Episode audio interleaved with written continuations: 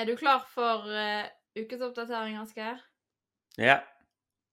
Er du? Har du Ja. Har du noen uh, spennende nyheter denne uken? Ikke sånn superspennende egentlig, dessverre, denne uken. Men uh, jeg har noe litt forskjellig. En stor ting som har skjedd, er det Jupiter-airdroppet. Det er en Solana, en desentralisert børs, som nå har gitt ut tokenet sitt.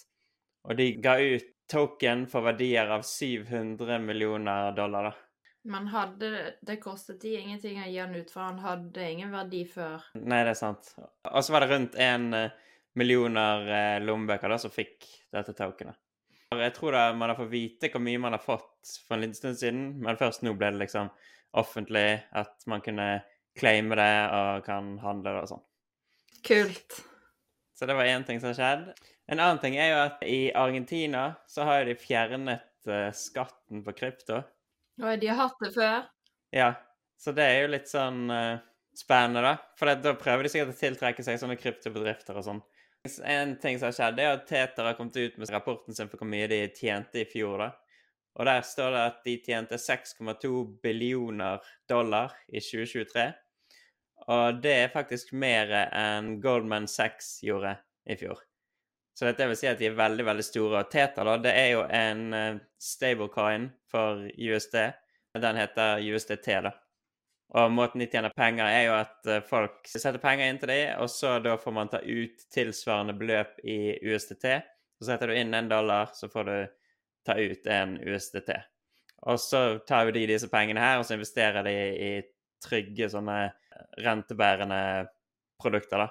Så renten som de får på dette, den går direkte til de. Så du kan si hvis de bare hadde hatt alt i en bankkonto, f.eks., så hadde jo de allerede fått en del rente, og den renten den går ikke tilbake til de som eier USDT, men den får de beholde sjøl. Så det er veldig god business da, å gi ut en sånn stablecoin. Spesielt når du ikke gir rentene til sluttbrukerne. Hvor mye arbeid er det, da? Det er mest uh, på det juridiske, vil jeg tro. For det å gi ut token og sånn, det er ikke så komplisert, men det kompliserte er jo å ha, gjøre dette her på en lovlig måte, da. Og følge alle regler og sånn. Og en annen ting som har skjedd, er jo at en av co-founderne av Ripple han har eh, blitt hacket, eller noen har fått tilgang til pengene hans. Så han har mistet Jeg husker ikke akkurat hvor mye det var, men det var veldig masse av sine private penger, da. Og det er altså XRP-en sin.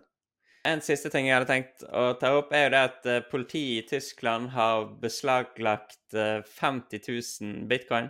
Det er jo verd verdt 2,17 billioner dollar. Det er iallfall veldig, veldig mye penger, da. Og dette var fra en privacy-webside, sto det. Jeg vet ikke helt hva det vil si. Ble iallfall stanset i 2013. Det som de hadde gjort ulovlig, var det ikke fulgt copyright-lovene, da. Så jeg tenker jo sånn pirating, eh, torrent-webside eller noe sånt. Men jeg vet ikke. Men iallfall så har de brukt pengene som de tjente, da, på å investere i bitcoin, så vidt jeg forstår. Eller muligens at de faktisk hadde tatt betalt i bitcoin. da. Jeg vet ikke detaljer. Nei. Hva skal politiet gjøre med bitcoin, da? Jeg tror når de tar bitcoin sånn som det, så etter hvert så selger de det. Og så går det til staten? Så er det staten sine penger. Ja. Hadde du en til uh, sak? Nei, det var egentlig de. Skal vi se hvordan det har gått med de 100 dollarene vi satte inn forrige uke? Ja. Men vi vi måler de norske kroner fra nå av, sant? Ja. Ja. Skal jeg bare si hva jeg har? Ja. Jeg har 1052 kroner, da. Så 52 kroner opp omtrent. Du, da? 1021. Ja. Så da vant du denne runden. Oh yeah. Arbeidsrommet har gått ned 3 da, men det skjønner jeg får jeg egentlig ikke til å stemme, fordi at uh, Jeg har jo gått opp. Da må det være fordi dollaren har gått opp, da. Det kan stemme, det. Og uh, du hadde bitcoin, den har gått opp 2,3% Ether har gått opp 2,4 GMX har gått ned 0,9 og Mux har gått ned 5,75. Så det har ikke vært noe sånn kjempe-wow. Det er én ting jeg har lest om, da, og det var den chainlink-token. Den så jeg er nå på topp. Det høyeste den har vært på 24 måneder. 18 dollar. Er det den du skal kjøpe denne gang? Har vi mulighet til det? Nei. Reglene i denne konkurransen vår var jo at vi har ikke lov å sitte de samme. Vi har ikke lov å sitte de i USDC-coin, og eh, vi må flytte hele beløpet hver uke, da. Hvem har første prioritet på å velge token denne uken? Jeg tror det er deg først. OK, da tar jeg Ethereum. Det var det jeg skulle ta. Den har jo gått så mye ned uansett. Søren, nei. Hva skal jeg gjøre nå? Gamble på en av disse små, da. OK, da, da tar jeg Vi må få inn litt flere token her, ser jeg. Ja. Nei, jeg får ta arv, da. Men jeg hadde tenkt å ta eter. Jeg syns ikke det var så gøy.